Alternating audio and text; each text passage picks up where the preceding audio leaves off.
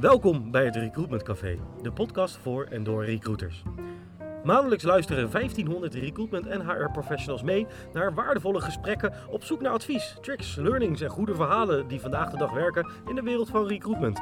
Van persoonlijke branding als recruiter tot het opzetten van een effectief referralbeleid, alles komt aan bod. Natuurlijk wel lekker in een informele setting. En nu door naar de podcast. Laten we beginnen. Ja, welkom bij het uh, Recruitment Café. Je hoort het steeds vaker, bedrijven die afstappen van het oldschool hiërarchische model en veel meer richting zelfsturing gaan.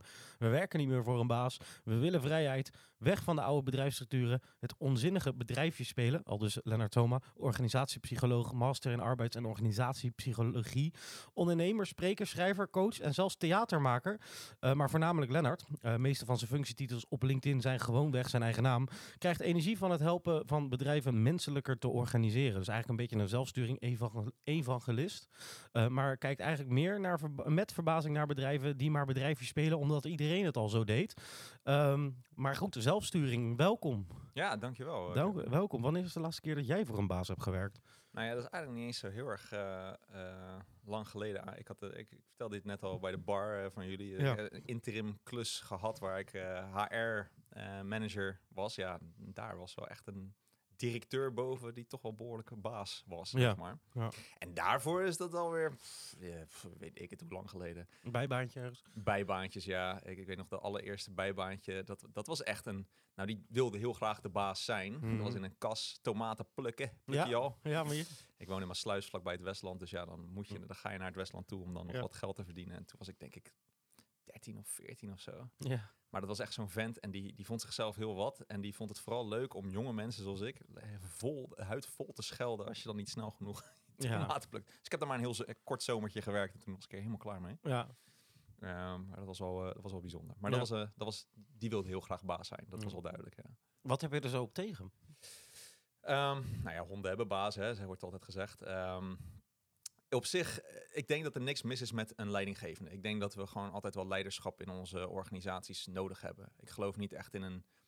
Uh, heel veel organisaties ja, we zijn een platte organisatie. Ja, daar geloof ik niet heel erg in. Ik denk dat je altijd wel een bepaalde vorm van hiërarchie hebt. Alleen, um, uh, de vraag is, is het nodig om dat in een vaste structuur te hebben met een vaste leidinggevende? Of mag dat fluctueren afhankelijk van het onderwerp? Mm -hmm. Uh, en dan ben ik dus meer voor het laatste, dat ik denk, nou ja, uh, uh, stel dat het gaat over mensen aannemen, ja, dan is Kevin misschien een hartstikke goede om, om naar voren te halen. Maar als het gaat om financiën, misschien ben jij dan wel bagger. Nee, laten we dat niet doen. Nee, precies. dus, dus zo heeft iedereen natuurlijk zijn expertise. Mm. Um, en natuurlijk heb je dat in huidige organisaties ook een beetje met afdelingen. Maar meestal staat er alsnog een CEO boven die alles moet overzien. En daarvan is een beetje de vraag, ja, is dat haalbaar? Uh, kan dat bij één iemand uh, neergelegd worden, ook zeker van hele grote organisaties. Um, en, en waarom kijken we daar allemaal zo naar op? Hè? We hebben vaak dat soort die machtsafstand. En vaak worden mensen toch een beetje ja, gecorrumpeerd door de macht die ze dan voelen of hebben. Weinig mensen kunnen macht echt ownen, om het zo te zeggen. Juist, mm. ja. En uh, nou, de mensen die ook, dat is, dat is, een leuke paradox, de mensen die um, die heel graag de macht willen, die zijn eigenlijk het minst geschikt om die macht te hebben. Mm -hmm. uh, hebben we een voorbeeld daarvan? Alle, alle dictatoren in de ja, wereld, zeg maar. Fair, ja, ja. We hadden het net nog even over uh, de Poetin en van Kim. Uh, Kim Jong-il, ja. Nou, dus, die, nou ja, denk maar daarover na. Die willen, mensen die graag de macht willen hebben, ja. Die zijn waarschijnlijk niet zo heel erg geschikt om dat echt te hebben. Collectieve zelfsturing is ook zelfsturing dan. Ja, nou ja, precies. Dus ja, ik weet niet wat dat is. Maar goed. Anyway, nee, dus, uh, dus nou ja, en dat is, uh, ja, in organisaties geldt dat ook. Hè. Die kunnen dan hun macht misbruiken als ze niet uitkijken. Um, en zichzelf uh, ja, beter voelen dan dat ze zijn. Eigenlijk. Macht is ook verslavend, denk ik. Zeker, dat denk ik ook wel, ja. ja, je wordt helemaal opgehemeld. En hè, mensen kijken naar je op, letterlijk en figuurlijk. En dat komt gewoon doordat wij sociale dieren zijn en wij altijd een gevoel voor hiërarchie hebben. Ja. Dus daarom kan je die hiërarchie er ook niet echt uitslaan, denk ik. Nee, nee. Um, Want gemiddeld gezien heeft de mens wel een leider nodig. Of je bent Ja. een leider, of, of je, je kijkt naar een leider. Ja. Of, nee, ik denk dat, ik denk dat eh, de meeste van ons eh, heel fijn vinden om een leiderpersoon ergens in ons leven te hebben. Of nou je vader of moeder is. Mhm. Of eh, inderdaad een leidinggevende op het werk. Of dan wel van het land. Of burgemeester. Maakt Ja. niet uit. Mhm. We like that. en wij vinden dat allemaal ergens prettig. Ehm, eh, alleen ja, je kan je in organisaties dus afvragen, is het altijd op de juiste manier ingericht? En Tegen, tegen wat voor leider, om het even zo te noemen, kijk jij op? Uh, nou ja, ik hou wel van hoe ze dat een beetje in de literatuur noemen, de transformationele leiders. Mhm. De Nelson Mandela-achtige. Nee, nou heb ik geen Nelson Mandela in mijn directe omgeving.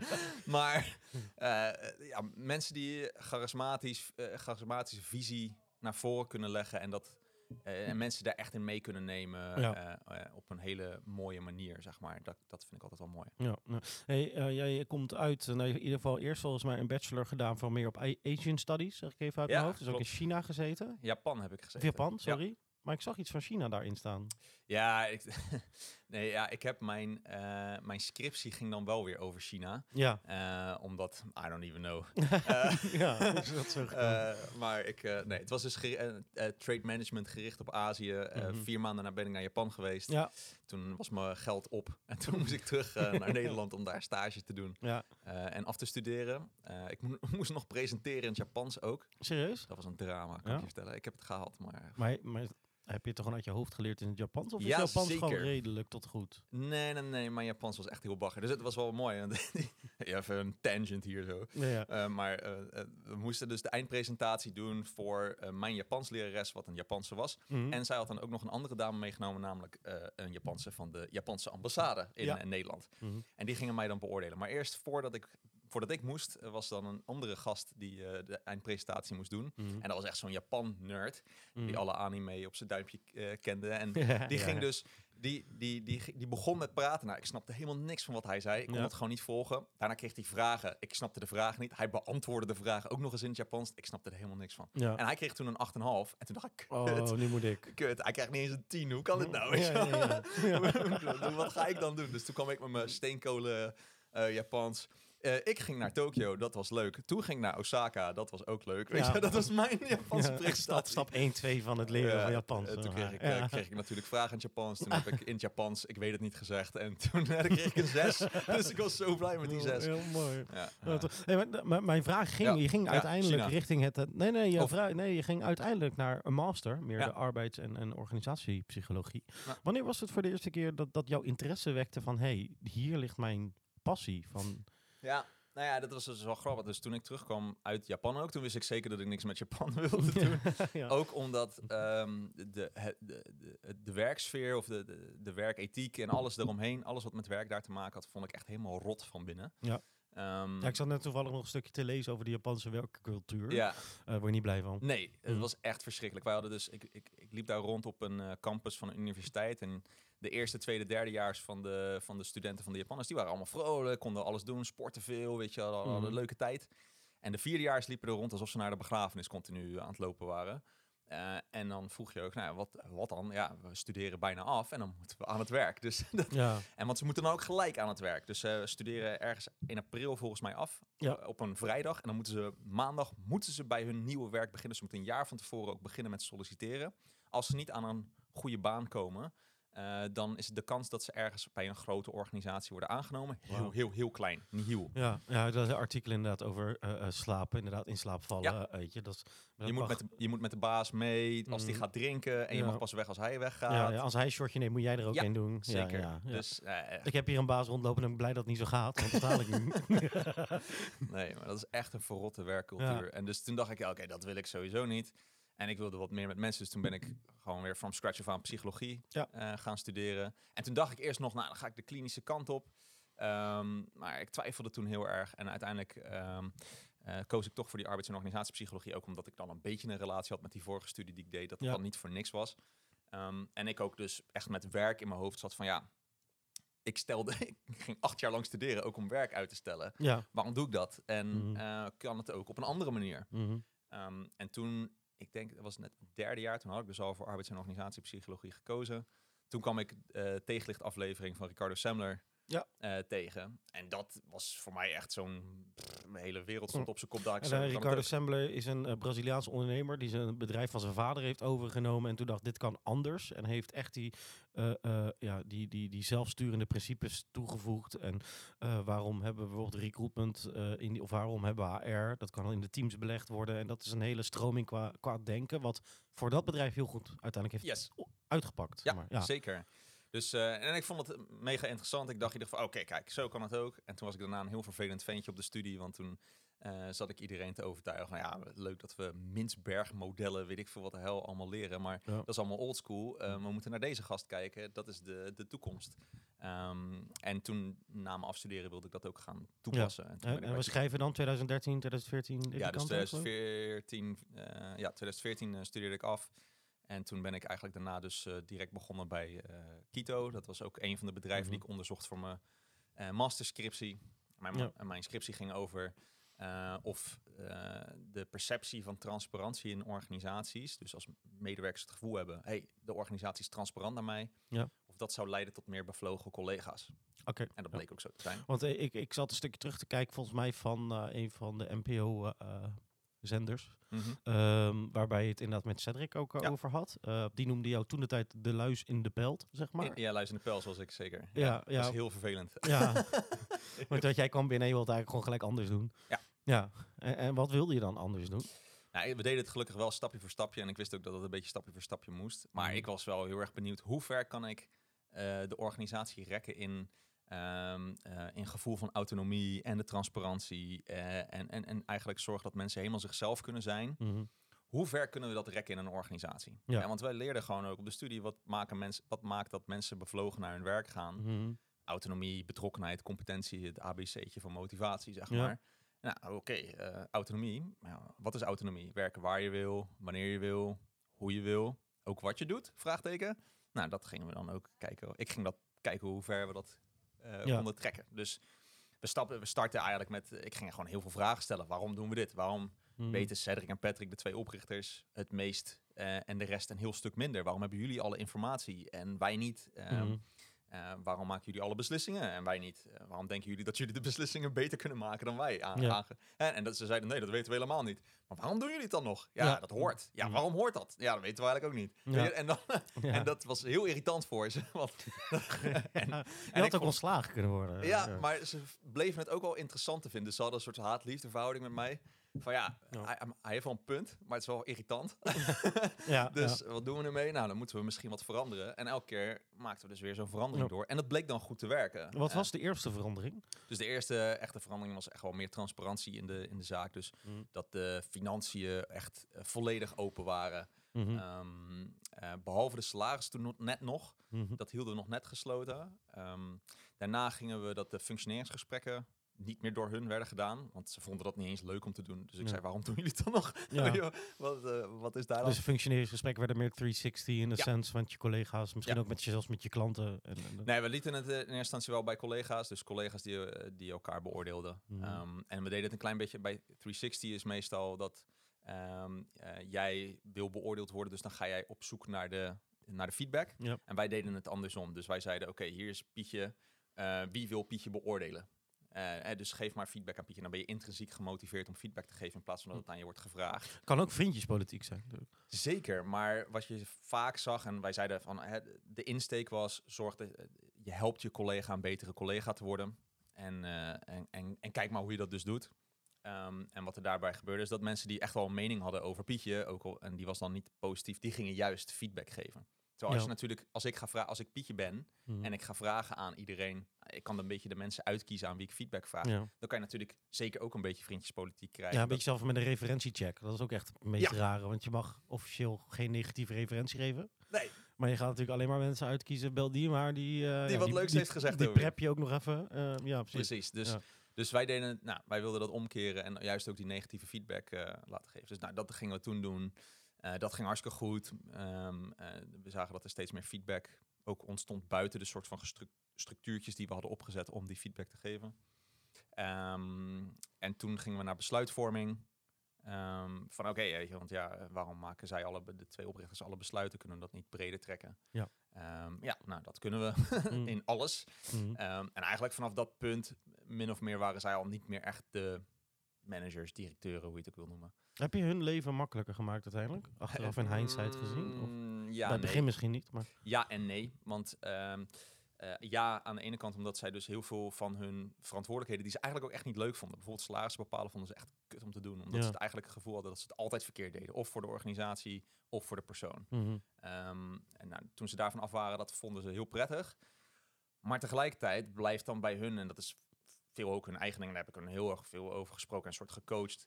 Van eh, ja, hoe kan je dan eh, continu los blijven van, eh, hoe kan je loslaten, loskomen en dan ook nog eens los blijven van Ja. je eigen tent. En als je het dan naar de shit ziet gaan, ehm, grijp je dan wel in of niet? Weet je, dus die overwegingen zijn heel lastig. Want als je het wel doet, dan kan je soms als een olifant in de porseleinkast weer terugkomen als de directeur die het gaat oplossen. Ja. En als je het niet doet, dan eh, eh, maak je ook een afstand. Want dan zeg je, ja, ik ben de directeur, dus ik moet me niet bemoeien met het zelfsturende principe. Ja, dat is eigenlijk nooit goed, zeg maar. Nee, want je moet eigenlijk in de groep zitten en onderdeel van de groep zijn. Maar je blijft altijd nog een beetje de air hebben van... Oh ja, weet je, hij is de, hij was, hij is de oprichter. Dus ja, alles wat zij zeggen wordt een soort van keer vier genomen. Dus, ja, dus ze moesten dat soort heel van erg veto eh, in het hele... Ja, toch ja. een beetje, weet je. En eh, ook onbewust. Ook, eh, en gelukkig op een gegeven moment hadden we dan... Dat was wel mooi. hè. In ieder geval, Cedric die vond dat altijd fantastisch. Dan kwamen er nieuwe collega's binnen. en eh, dan stond hij bij het koffiezetapparaat. En dan kwam de collega, "Ja, wat doe jij hier? Weet je? Die wist Ja. niet dat hij de oprichter was. Ja, Dat was perfect, weet je. ja Dat, dat is dus, eh, Maar, maar eh, hun rol door eigenlijk jou toedoen is eigenlijk helemaal veranderd. Ja. Want was het, ehm, ja, ehm, hadden ze nog functie eh, slash rolbeschrijving over toen jij wegging? Want, Ja, ja, ja. Dus eh, ze waren verantwoordelijk voor eh, en marketing en eh, ook een strategie hielpen ze bij. Mm. En ja, ze mochten zich bemoeien met alles wat ze wilden. Ehm, en dat kozen ze dan uit. En ik denk dat Cedric zat vooral op strategieën, nieuwe concepten, nieuwe soort productmarktachtige dingetjes. En Patrick zat vooral op de coachen van de IT'ers en de achterkant en ehm, het financiële stuk. ja, waar hij vooral eh, ehm, daar veel energie uit haalde en verantwoordelijk voor was. En dus, dus ze konden zich lekker focussen op hetgeen wat ze wilden. mhm. eh, en hadden voor de rest evenveel of even weinig te zeggen als elke stagiair die er rondliep. ja, precies. Ja, ja. En, en als je kijkt nu, ehm, ehm, zelfsturing begint bijna een containerbegrip te worden, zeg maar. Ehm, wat is zelfsturing volgens jou? Eh, verschrikkelijk. Nee. ja, nou ja, ik vind zelf, dat is altijd het ding met zelfsturing of zelforganisatie, is dat mensen eh, daar heel snel een soort van haat-liefde verhouding ook mee hebben.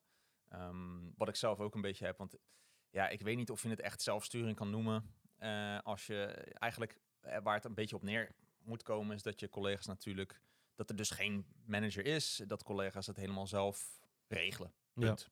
Eh, zelfsturing, zelf sturen. mhm, ja. En je hoort dan ook wel eens andere begrippen. Samensturen is het meer. Weet je, je doet het samen met collega's in plaats van, ja, oké, nou, dat is weer een soort van potato potato. Eh, je Ja. maakt er even een ander naampje van, dan klinkt het weer fancier of zo. Ja, dan kan je een Ehm, ander boek over schrijven. Ja, Precies, dat helpt. Ja. Ehm, dus dus ik, ik, ik hou niet zo heel erg van de term.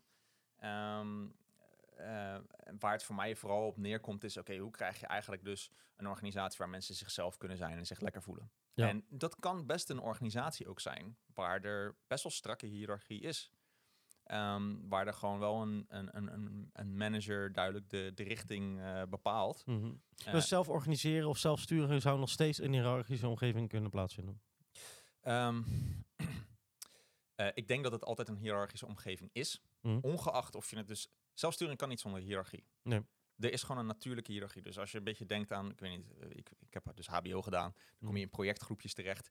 Ehm, en dan heb je ook niet een vaste aangestelde voorzitter of baas. Alleen je merkt gewoon dat de, de ene student wat gemotiveerder is of zo dan de ander. Ja, pak en de die, leiding. trekt, en die pakt de dan, leiding ja. en die trekt de rest mee. Dat Mhm. gebeurt automatisch. En mensen Ja. luisteren naar diegene. Nou, een beetje bijstander effect heb je altijd Ja. natuurlijk. Ja. Dus, eh, en social loafing en allemaal dat soort... eh, Oh, wat is social loafing? Die ken ik Het is een beetje hetzelfde eigenlijk. Dus als je in een grotere groep bent, Mm. eh, doe je steeds minder als individu. Doen ja. de rest, de anderen doen het wel. Nou, ze, doen zo'n, e- ze hebben zo'n experiment doen ze met touwtrekken. En dan Mhm. eh, eerst één persoon en die trekt dan, eh, ik zeg maar wat, 100 kilo.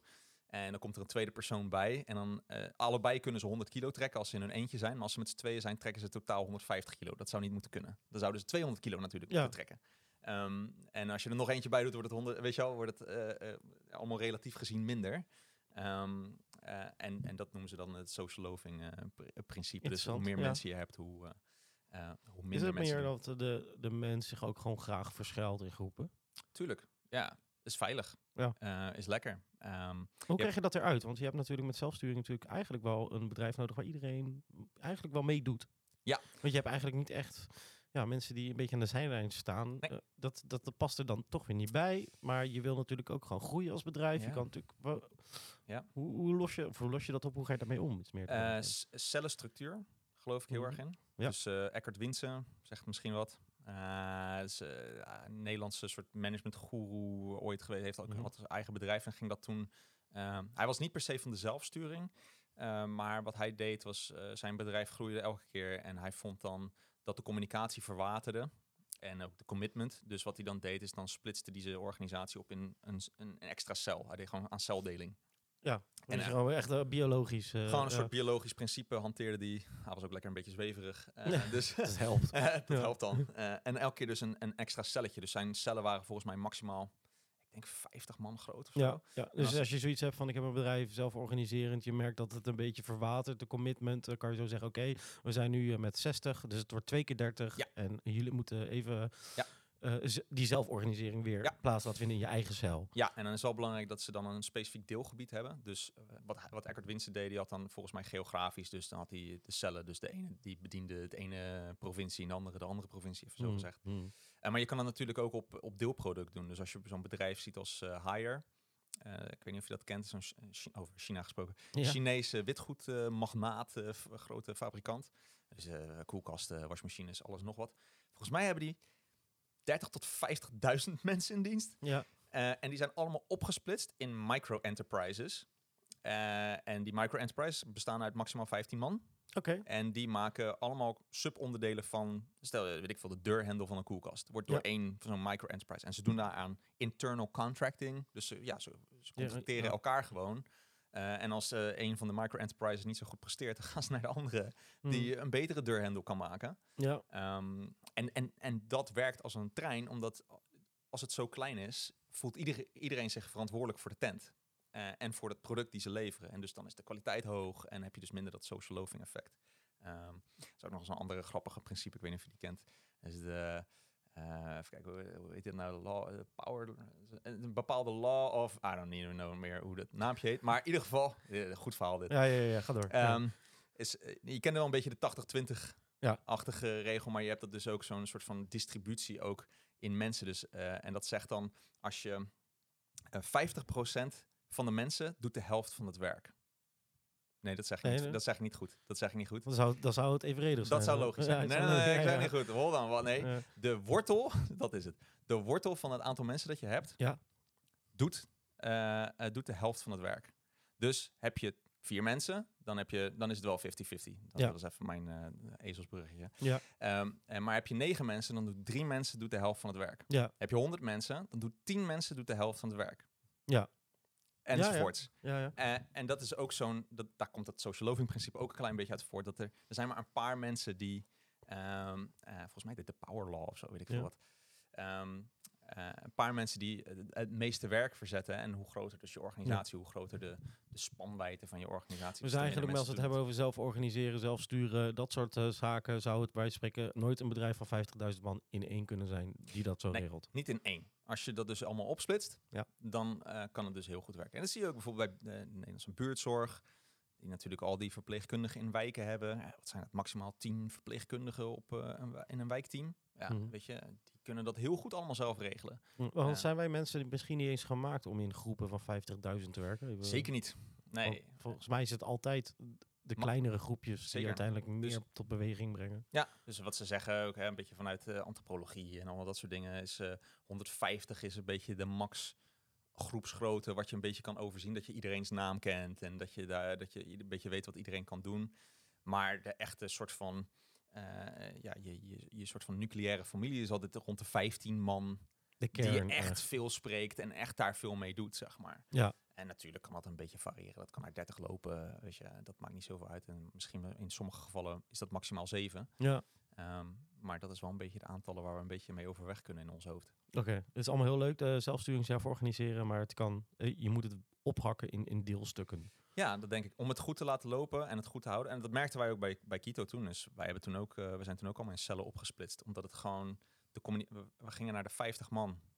En gewoon qua communicatie, het verwaterde als een malle. Eh, niemand wist meer wat iedereen aan het doen was. We hadden natuurlijk niet iemand die daarboven hing en het soort van allemaal coördineerde. Dat moesten we allemaal zelf doen. En dat deden we allemaal zelf. Maar het, was, eh, ja, het voelde te groot en te log of zo. Of, Ja. eh, en, en de 50 man is nog steeds heel weinig Ja, relatief. Maar ehm, ja, zelfs dat, wij, wij dachten toen echt wel voor ons, voor onze soort organisatie was 20, 25 man is wel echt de max. ja. ja, ja. Ehm, top. Ehm, want je zegt inderdaad, en nu wil ik eigenlijk, nu begin ik een zin waar ik niet meer weet waar ik naartoe wil. Dat gebeurt geeft wel vaker, eh, inderdaad. Ehm, hoe groter, hoe moeilijker. Dus meer ophakken in kleine stukjes. En die kleine stukjes kunnen dan eh, op geografie, op, op onderdeel, dat kan van alles eh, kan van alles zijn. Ja, Ja, zeker, ja. zeker. Dus als je, eh, eigenlijk krijg je ook gewoon een soort business units natuurlijk en een soort afdelingen ook. Mm. Alleen eh, wat je in normale organisaties hebt, is dat die afdelingen heel erg moeten rapporteren naar boven toe. Ehm, en dat gaat dan allemaal laagjes door. En dan komt dat ook weer de opdrachten weer in laagjes terug. En eh, wat je eigenlijk dus wil, is die, al die lagen eigenlijk eruit en wel de afdelingen houden. Mm. Die dan wel op een bepaalde manier met elkaar kunnen communiceren wanneer dat nodig is. Dus minder managers. Minder managers in, eh, in feite, ja. want we hebben er nogal veel. We hebben er erg veel, ja. ja. Wat moeten we ermee? Ja, ook dat. Ik ben ook, ehm, weet je, eh, vroeger eh, eh, eh, dacht ik ook, ik ga naar het mbo. En mijn ouders zeiden, nee, je gaat naar het hbo. Maar nu hebben we allemaal managers. En terwijl als je, of je mbo doet of praktijkgericht onderwijs, Zeker. dan heb je meer kans nu op een goed betaalde baan dan je op het hbo af- afstudeert. Zeker weten. Dus dat is Zeker weten. weer, top. Ehm, is het ook zo dat dat stukje zelfsturing, zelfontwikkeling ook groeit doordat er een andere generatie instroomt in het werkveld? Want we hebben natuurlijk een generatie en de millennials, en dan heb ik het even over wij, denk ja, ik. eh, zeker. hebben natuurlijk het, het land al een beetje ontgonnen, doordat we ietsje vrijer eh, misschien waren in het denken en doen. Zeker. Eh, en dan komt er Gen, Gen Z eroverheen die, eh, die het nog een stapje verder, Ja. verder neemt. Ja. Want dan is eigenlijk de vraag, is het dan een soort van noodzaak, die zelfsturing binnen bedrijven, omdat je dan een nieuwe generatie niet naar binnen krijgt? Ehm, of, of doen mensen mee met een soort van hype van, oh, het is zelfsturing, het is nu het nieuwe ding. Het is allebei. Dus ja, er is een hype van zelfsturing en zelforganisatie. En dat, dan zie je dat het ook heel vaak de mist in gaat. Van die Mm. grote organisaties die dan denken, oh, wat buurtzorg doet, doet, dat gaan wij ook doen. En dan, wat, wat heb je dan voor reden? Ja, dan kunnen we dus een managementlaag eruit snijden, oftewel kosten besparen. Ja. Dat voelt iedereen dan in zijn vezels. Eh, en en eh, dan gaat het niet werken. En dan zeggen ze, ja, zelfsturing, dat werkt niet. Ja. eh, terwijl, nee, de insteek moet anders zijn. Je wil een mensgerichte organisatie misschien. Je wil dat mensen invloed kunnen uitoefenen. En dat helpt dan. En dat is precies wat generatie Z en de millennials denken ook voor een groot deel. En eigenlijk misschien wel iedereen, maar wij spreken het meer uit. eh, of eisen het meer, zeker met de, de arbeidsmarkttekorten die er nu Ja. zijn. Ehm, dat we gewoon invloed willen hebben in de organisatie. Eh, dat we vrijheid en ruimte willen. We zijn nu door corona ook een beetje verwend geraakt dat we best wel veel thuis kunnen werken met z'n allen. Dat dat ook nog schijnt te werken. en, eh, Ja. Wat is jouw mening erover? Dan? ik denk dat je een goede balans moet hebben. Ik denk dat eh, kantoor eh, heel nuttig is om eh, de sociale verbindenis te blijven houden. Hè, wat ik zei, eh, als je weer terug gaat naar dat ABC'tje, dan is betrokkenheid, ergens je bij horen voelen, is een Maar hele wanneer heb jij een goede werkdag gehad? Is dat vaak als je op kantoor zit of thuis?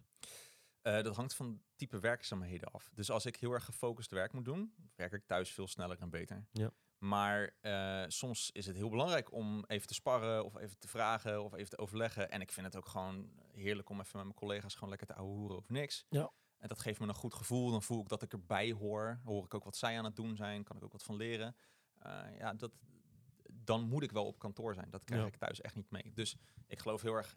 En natuurlijk, het verschilt per persoon. De ene zal eh, vier dagen thuis willen werken en één dag op kantoor, want die sociale impuls is veel te veel. En eh, ik ben een beetje introvert, dus laat me maar alsjeblieft met rust. En de andere die heeft juist die sociale invloeden heel erg nodig. Dus die moet eigenlijk gewoon vier, vijf dagen op kantoor Die zitten. heeft de energie nodig ook vaak. Ja. ja. Ja, en die moet dan wel ergens een plek vinden, zodat die focus, eh, focuswerk ook gedaan kan worden. Ja, en dat is dan bijvoorbeeld weer prettig om thuis te doen. Ja. Dus het, het, het gaat om een, een gezonde balans erin vinden. En ik denk dat ehm, mensen en organisaties daar dus nu... Ja, je- je- ik zie gewoon heel veel organisaties daar, die daarmee aan het struggelen zijn. Van, ja, hoe gaan we dat hybride werken nou aanpakken? Want ergens moeten ze wel komen, want ja, we hebben anders geen binding met ze... en we kunnen niks tegen ze zeggen enzovoort. Maar aan de andere kant willen ze ook de vrijheid geven om thuis te werken... want dat recht hebben ze een soort van. ja. Ehm, eh, en ja, daar is het ook gewoon. Ik denk dat je gewoon met elkaar veel moet praten over van nou, wat werkt goed voor jou en wat werkt goed voor jou. En kunnen we daar ergens tot een soort middenweg vinden. Want ja, we moeten wel elkaar fysiek ook even zien. Want dat geeft veel meer verbindenisgevoel dan dat via een scherpje doen. Ja. Eh, en hoe gaan we dat dan eh, voor elkaar krijgen? Ja. Want jij werkt nu bij eh, Peoples. Ja. Ehm, en dat is volgens mij een, een, een echt een consultancy. Ehm, consultancy vind ik Ja. ook zo'n zo'n ouderwets woord Ja. eigenlijk. Maar om eigenlijk ja, bedrijven te helpen. eh, wat meer richting het zelf organiseren, zelf sturen. Dus bedrijven die, Ook, ja. die daar een hulpvraag bij hebben. Ja. Dus het gaat voornamelijk om het, om het werkgelukstuk. Dat we Ja. dat proberen te bewerkstelligen bij, eh, bij organisaties. En dat kan middels zelforganisatie als Mhm. bedrijven dat willen. Maar we gaan dat niet opdringen, omdat we ook weer daarin... Zelfsturing en zelforganisatie is wat mij betreft een middel Ja. om daar eventueel te komen. Maar heeft ook zijn nadelen. En het werkt gewoon niet voor elke organisatie. En ook niet voor elk type mens. nee. Dus ehm, als je allemaal mensen hebt die graag, wat ik zei, al eerder zei, die graag de sturing willen, ga dan alsjeblieft geen zelforganisatie doen. ja. Of zelfsturing, want dat schiet niet op. Ja. Ehm, maar is de meest gehoorde eh, denkfout in, in deze hele situatie die jij dan voorbij hoort komen van, van, van bedrijven eh, waarmee je werkt? Ja, de- de- als het om zelfsturing gaat? Ja? Of, Of, eh, gewoon over werkgeluk. We willen meer werkgeluk. Hoe gaan we dat doen? Of, ja, dus de, de, we hebben toch een voetbaltafel? ja, ja, eh, pingpongtafel. Ja, ja. Lekker herrie maken. Nee, dus ehm, eh, daar is dat, dat als je het aan managers vraagt, ehm, eh, daar, die denken vaak dat hun mensen erg moeten veranderen, terwijl zij het meest moeten veranderen.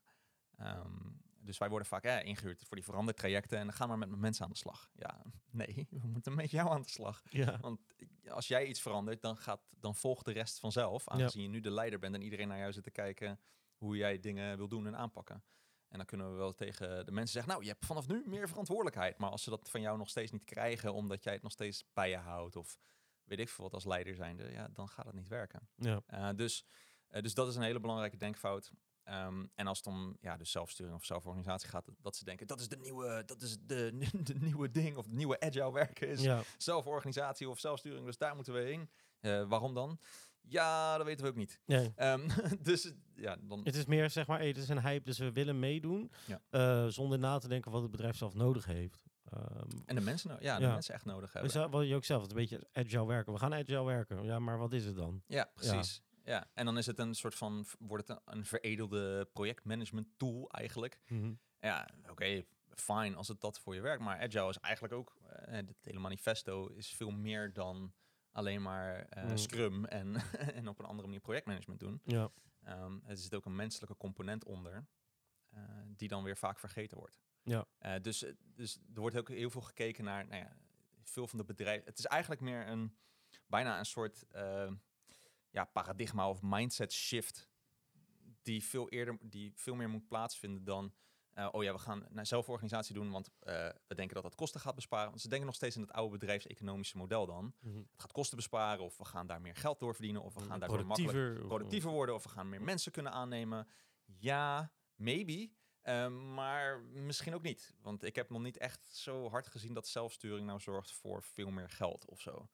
Ehm, in sommige gevallen kost het ook meer geld, omdat je op weer andere manieren bent aan, aan het overleggen het zorgt wellicht uiteindelijk voor gelukkigere medewerkers Juist. die uiteindelijk daardoor productiever worden. Precies. Hoe jouw bedrijf is ingericht dat productievere mensen meer om te draaien, is het aan het bedrijf zelf natuurlijk. ja, Ja. precies. En de- dan moet je ook een beetje geluk hebben met de branche en de, eh, en de tijd waar we in zitten enzovoorts. Dus vraag en aanbod. Ehm, maar dus eh, het is niet een, het is, het is een middel inderdaad voor gelukkige collega's. En Ja. dat zou ook het doel moeten zijn. Dat je denkt, nee, ik wil inderdaad, en mensen zijn het belangrijkst. Ehm, eh, niet eens hoeveel geld ik verdien, want ik kan dan heel makkelijk de vraag stellen: waarom wil je geld verdienen? Ja, ik wil een, eh, een hele dure auto. Waarom wil je een hele dure auto?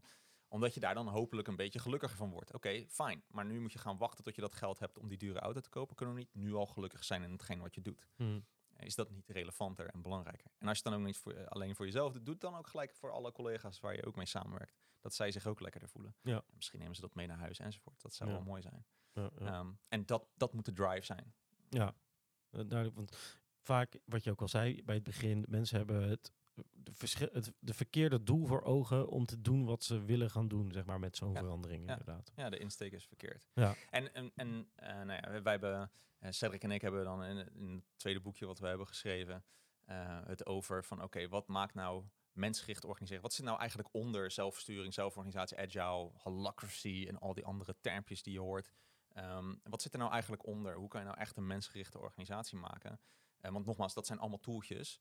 En wat daar eigenlijk onder zit, dat noemen wij dan, ik haat de modelletjes, maar Mhm. toevallig was het per ongeluk een model geworden. We noemen het de zes V's. En het zijn eigenlijk hele simpele woorden Eh, maar probeer die maar eens op te hogen in je organisatie. Dat is nog wel eens lastig. Mhm. Vrijheid, verantwoordelijkheid, verbinding, vertrouwen, vitaliteit en veiligheid. Ja, en dan kan je die, die eigenlijk weer in koppeltjes doen, zeg maar. Ja. ja. Ja, dus eh, vrijheid en verantwoordelijkheid zitten heel dicht bij elkaar. Ja. Ehm, want ja, je, eh, je mag pas van je vrijheid genieten als je ook de verantwoordelijkheid pakt.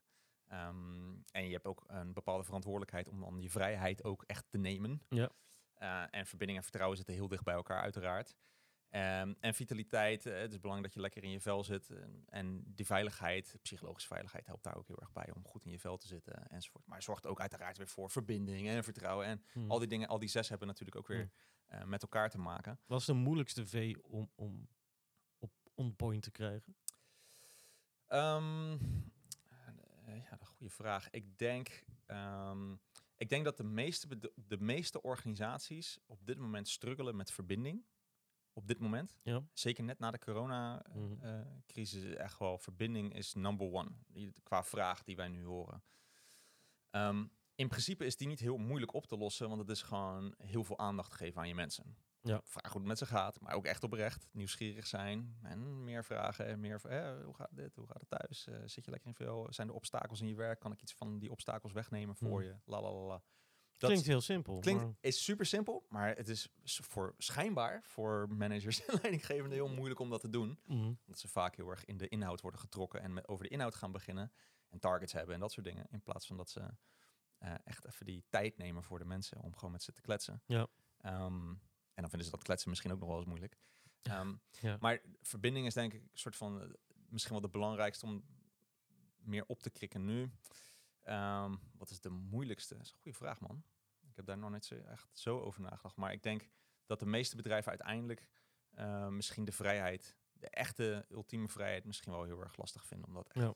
Maar als je echt de ultieme vrijheid eh, geeft eh, aan je mensen, Mhm. Dan komt een stukje verantwoordelijkheid heel erg naar boven. Yes, Wij werken met de drie V's, niet met de zes, maar die andere drie zal ik even in de groep gooien. heel goed. Heel goed. Dus dat is inderdaad vrijheid, verantwoordelijkheid en vertrouwen. Ja. Ehm, dus inderdaad onbeperkt vakantiedagen. Ja. Maar we vertrouwen er ook op. En dat jij je verantwoordelijkheid neemt. Dat je niet zes weken op vakantie gaat in de drukste periode. Want Precies. je hebt collega's, je hebt een klant ehm, en, en dat eh, soort Ja. eh, zaken. Ja. Ehm, dus ja, de, de, de vrijheid geven. En dan hebben we natuurlijk misschien, eh, en dat wil niet over iedereen over één kam scheren, maar ga het toch even doen voor de makkelijkheid van de, van de conversatie. Ja. Hebben we natuurlijk misschien wel met een generatie van de babyboom Ja. zeg maar, te maken, die veel rigidere ervaringen in het leven hebben. Ja. Ehm, en die moeten dan opeens eh, het stukje vrijheid eh, van hun eh, jongere collega's gaan Tolereren, omarmen en faciliteren. Ja. Ehm, even, het is natuurlijk misschien een extreem voorbeeld, maar echt de, de old school eh, babyboomer, zeg maar. Die eh, echt, eh, nou ja, net in de wederopbouw geboren is. Ja, en, ja, ja, op je twaalfde moest je een bijbaantje Ja. hebben en je moest meewerken aan de heropbouw. Je moest studeren en iets sparen. Veel geld sparen voornamelijk.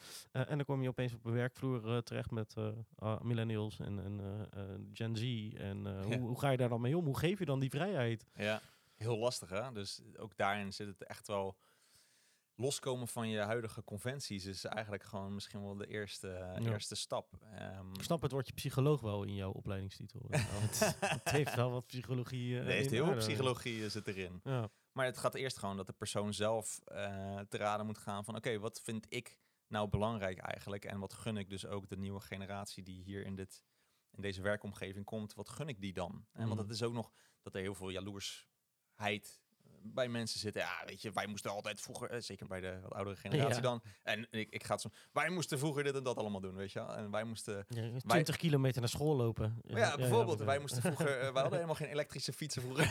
Ja. dat kan nu allemaal. En wij moesten zoveel kilometer fietsen naar school. En wij moesten, eh, weet ik het hoe lang wachten voordat het internet aanging om met onze inbelmodem en weet ik het hoe lang. Piep, piep, piep, die klote ja. horen voordat, voordat dat begon. Ja, weet je, dus iedereen doet dat natuurlijk. Elke generatie heeft er natuurlijk zijn dingetjes. En de nieuwe generatie heeft het hopelijk eh, ook makkelijker. In ieder geval, dat is een beetje, dat is natuurlijk een beetje de hoop, denk ik. En dat moet je ze dus ook gunnen. Ehm, en hoe kan je ze dan naar het next level brengen? Ehm, eh, daarin. En nou ja, dus, dus het stukje werkgeluk of ook eh, Mm. de, Als je niet van werkgeluk dat woordje uit gebruikt, dan bevlogenheid. Als je daar niet van houdt, dan moet je toch weer terug naar werkgeluk. Ja, terug naar het woordenboek. Oh ja, of Ja. zoek even wat anders. Maar in ieder geval dat mensen lekker in hun vel zitten op werk. Mhm. eh, ja, dat is misschien wel wat je dan Ja. die mensen Maar, wat het grappige vind ik dan is inderdaad van, nou, we hopen eigenlijk dat de generatie het dan makkelijker heeft dan de voorgaande generaties. Maar dan hoor je ook weer een nieuwsbericht dat er het zeg maar, aantal burn-outs nog nooit zo hoog is geweest onder de jongere generatie. Zeker. En dan denk je, hè, maar waar zit dan de crux? Waar zit dan het knelpunt van het hele verhaal? Ja, lastig hè? Ja, nou, ja, we hebben, ik denk dat waar generatie Z dus aan de ene kant de behoefte heeft voor dingen als zelforganisatie en zelfsturing, zit natuurlijk ook enigszins in die instant gratification die ze gewend zijn om te krijgen. Hè? Ja, je en Je bestelt, ja, je bestelt nu iets, je krijgt het morgen binnen. Ehm, je kan alles opzoeken nu. Eh, wil je gitaar leren spelen? eh, YouTube en flop. Je hebt eh, tienduizenden lesmaterialen die je gelijk kan gebruiken. Ehm, en dus we gaan er ook als generatie Z en misschien wij als millennials ook bijna een beetje vanuit van dat je iets nu moet kunnen, nu moet doen en, en gelijk goed moet doen, want het is allemaal gelijk goed Ja. nu al. Dat zorgt voor heel veel druk natuurlijk bij de, bij de jongere Mhm. generatie die het gevoel hebben dat ze het gelijk allemaal maar moeten kunnen. Ja, oh, ja, ik, ja, ik gebruik wel eens Instagram, maar dat zijn natuurlijk alleen maar de mooie momenten uit mijn leven. Ja. Ik eh, zit, ja, als het een keer slecht gaat, maar me maak me geen Post selfie eh, Nee. dat het zo slecht gaat me. Dus je Ja, ziet maar- ook dat, hè, dus de, alle, alle invloeden van social media hebben, ja, die, die zijn heel sterk, zeker bij de, de jongste generatie. Die, die, die zien alleen maar de, de mooie figuren, de happy moments enzovoorts. En dat schijnt dan normaal te zijn in hun ogen. En daar gaan ze naar streven. En het, dus het moet, je moet en gelukkig zijn, en je moet veel geld verdienen, en een mooi huis hebben, en een goede partner hebben, en een leuke familie hebben, en heel veel reisjes maken. En Ja. dat zijn nogal eh, lijsten, zeg maar. Ik word er nu al moe van. Ja, ik Ja. ook. dus, dus ja, eh, ze, we hebben met social media ook gewoon eh, de druk nogal opgevoerd. Zo van Pandora's box geopend in die zin. Ja, eh, zeker, ja. zeker, zeker. Dus die instant gratification is wel een reden dat die druk zo hoog ligt dat, dat, dat, ja, dat mensen uiteindelijk in een Ja. burn-out, omdat ze zoveel van zichzelf verwachten door de druk, eigenlijk de, ja, eigenlijk de, de neppe druk die eigenlijk uitgeoefend wordt van allemaal filters en mooie dingen en, dat soort zaken. Ja, ja. ja, ja. Groot probleem. Is een groot probleem. Maar, dan, hoef je als babyboomer niet, eh, manager eh, niet gelijk op TikTok te gaan, toch? Dat eh, zou ik zeker niet doen. Blijf daar vooral van weg. Ik denk Ja. dat het sowieso goed is om social media een beetje weg te, weg te Mm. douwen, zoveel je kan. Of in ieder geval het voor jezelf dan, als je manager bent, goed te managen. Mhm. Ehm, eh, en datzelfde geldt voor alle generaties eigenlijk. Die moeten gewoon social media goed managen. Maar ik denk dat je wel als babyboomer dus daar rekening mee moet houden dat er zo'n hoge, dat de mensen, eh, de jonge generatie zo'n hoge druk ervaart. En, en, en jij bent dan als babyboomer een, kan een hele goede mentor zijn om te laten zien van nee gast, weet je, het is allemaal, eh, je hoeft het niet allemaal gelijk perfect te doen. Take it easy, weet je wel. Je hebt nog zoveel jaar de tijd. Toen, eh, je kan wel allemaal die verhalen. Toen ik zo oud was als jij, dan mag je best vertellen. Ja, Ehm, eh, en dat het allemaal niet gelijk perfect hoeft te zijn. nee. Dat haalt de druk er in ieder geval af. En dat haalt, maakt ook dat mensen dan daardoor wat meer zichzelf kunnen zijn. Dus babyboomers moeten veel meer coachend leiderschap gaan uitvoeren om hun, hun mensen te behouden. Dat ze niet allemaal in burn-out en, eh, Mhm. en ziek worden of weggaan omdat ze denken, oh ik heb geen invloed of ik kan het niet eh, eh, Ja. presteren wat ik zou dacht dat ik kon presteren. Dus ik haal het niet, dus ik ga maar ergens anders werken waar ik dat misschien wel kan. Want dan zie je dus heel veel van die switches in jobs. Eh, nu kan het ook nog met die arbeidsmarkttekorten. Mhm. Of, eh, Ja. Het is lekker makkelijk. Overal is wel een baan. Ja, de, de, de, de generatie eh, voor ons inderdaad, die kon gewoon heel hun carrière bij één werkgever. Ja.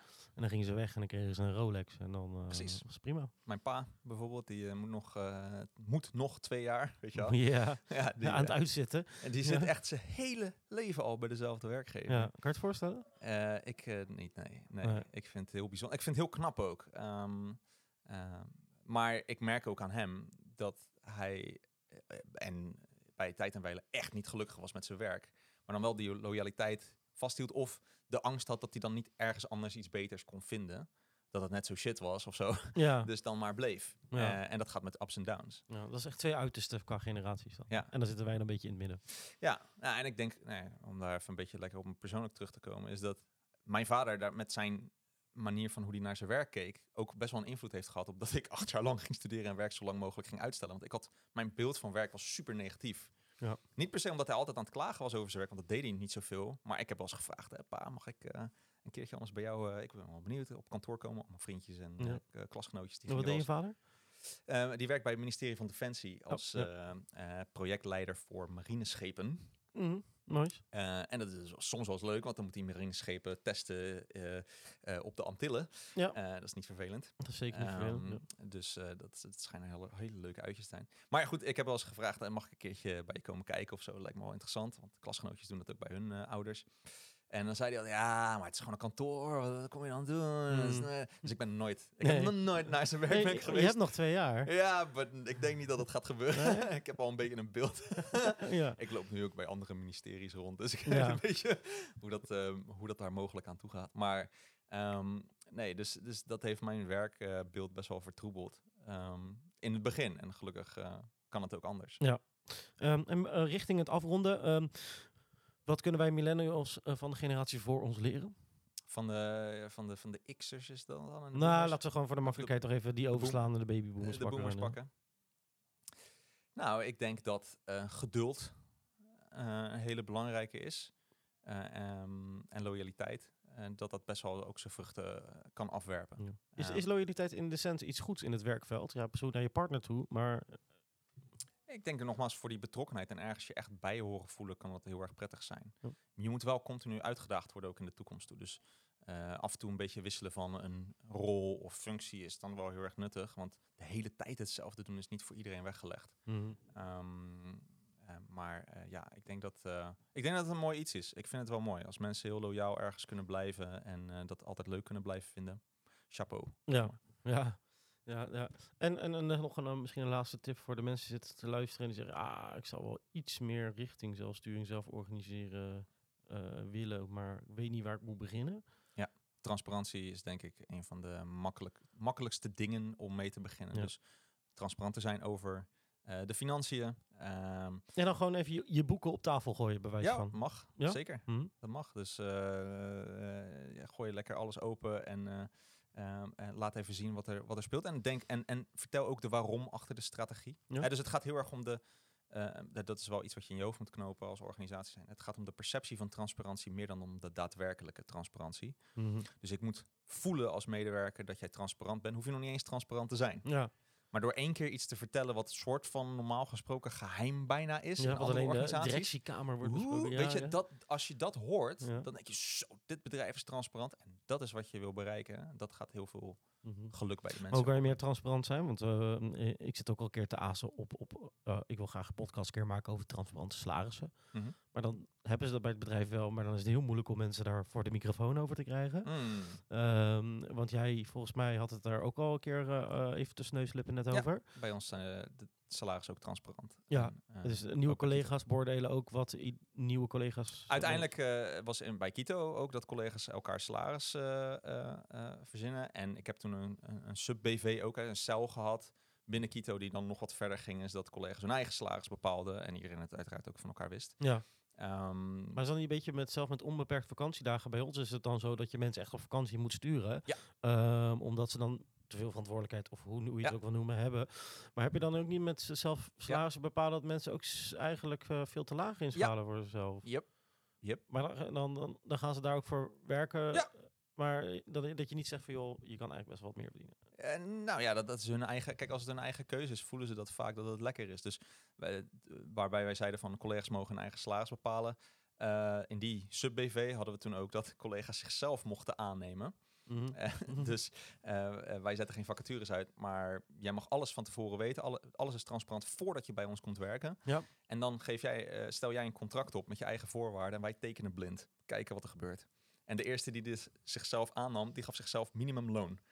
En toen zeiden Ja. we, waarom in hemelsnaam je geef je jezelf minimumloon, gast? Ja, Ja. ik weet dat ik ook elke maand mijn eigen salaris op kan hogen en ik wil mezelf eerst bewijzen. Eh, en voelen dat ik wat eh, bijdraag aan de organisatie. En Ja. dan doe ik dat wel. En binnen een paar maanden gelukkig ook eh krikte hij zijn eigen salaris op. Ja. Naar een beetje een normaal niveau. Maar nog steeds relatief laag, denk ik. Mhm.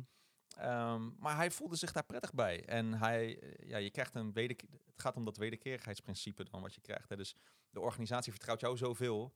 eh, en het belang is voor de medewerker vanuit de organisatie dat de medewerker soort van het belang van de organisatie boven zichzelf stelt. Ja, En als die daar zich prettig bij voelt en Hm. niet eh, Ja. in huurschulden en we- weet ik veel terechtkomt, ja, prima. ja. Ja, precies. Ja, want je kan niet naar je verhuurder gaan en zeggen, eh, ik bepaal mijn eigen huur. Dus dat is wel lastig. Nee, dus die moeten Ja. wel even gecoverd zijn. dat is wel handig, denk ik. Ja, dus je moet in ieder geval genoeg verdienen om dat te kunnen doen. Oh, top. Ehm, mag ik jou bedanken voor dit mooie gesprek. eh, Lennart? Jij bedankt, het was gezellig. Tuurlijk. Ehm, en wil je natuurlijk nog meer te weten willen komen, je hebt natuurlijk ook gewoon een hele mooie website. Uh, LennartToma.nl. Ja. Voor Ja. mij is het Toma. Volgens mij was het Ja, Italiaanse route ergens. Italiaans. Ja. Kwart Italiaan ben ik. Ja. Dus ik moest even inderdaad de klemtoon ergens anders leggen. Ehm, en voor je dit een leuke podcast, eh, check natuurlijk in je favoriete eh, podcast aanbieder. Ehm, vind ons, like ons. Eh, ik vind een sterretje of vier vind ik leuk, vijf vind ik nog beter. Ehm, en ja, voor de mensen die geïnteresseerd zijn geraakt in meer, check daar of lennarttoma.nl. En dan wil ik jullie weer bedanken voor deze mooie podcast. Tot de volgende. En wij gaan ons denk ik even zelf sturen naar de bar. Yes! Dorst. Tot de volgende. Ciao!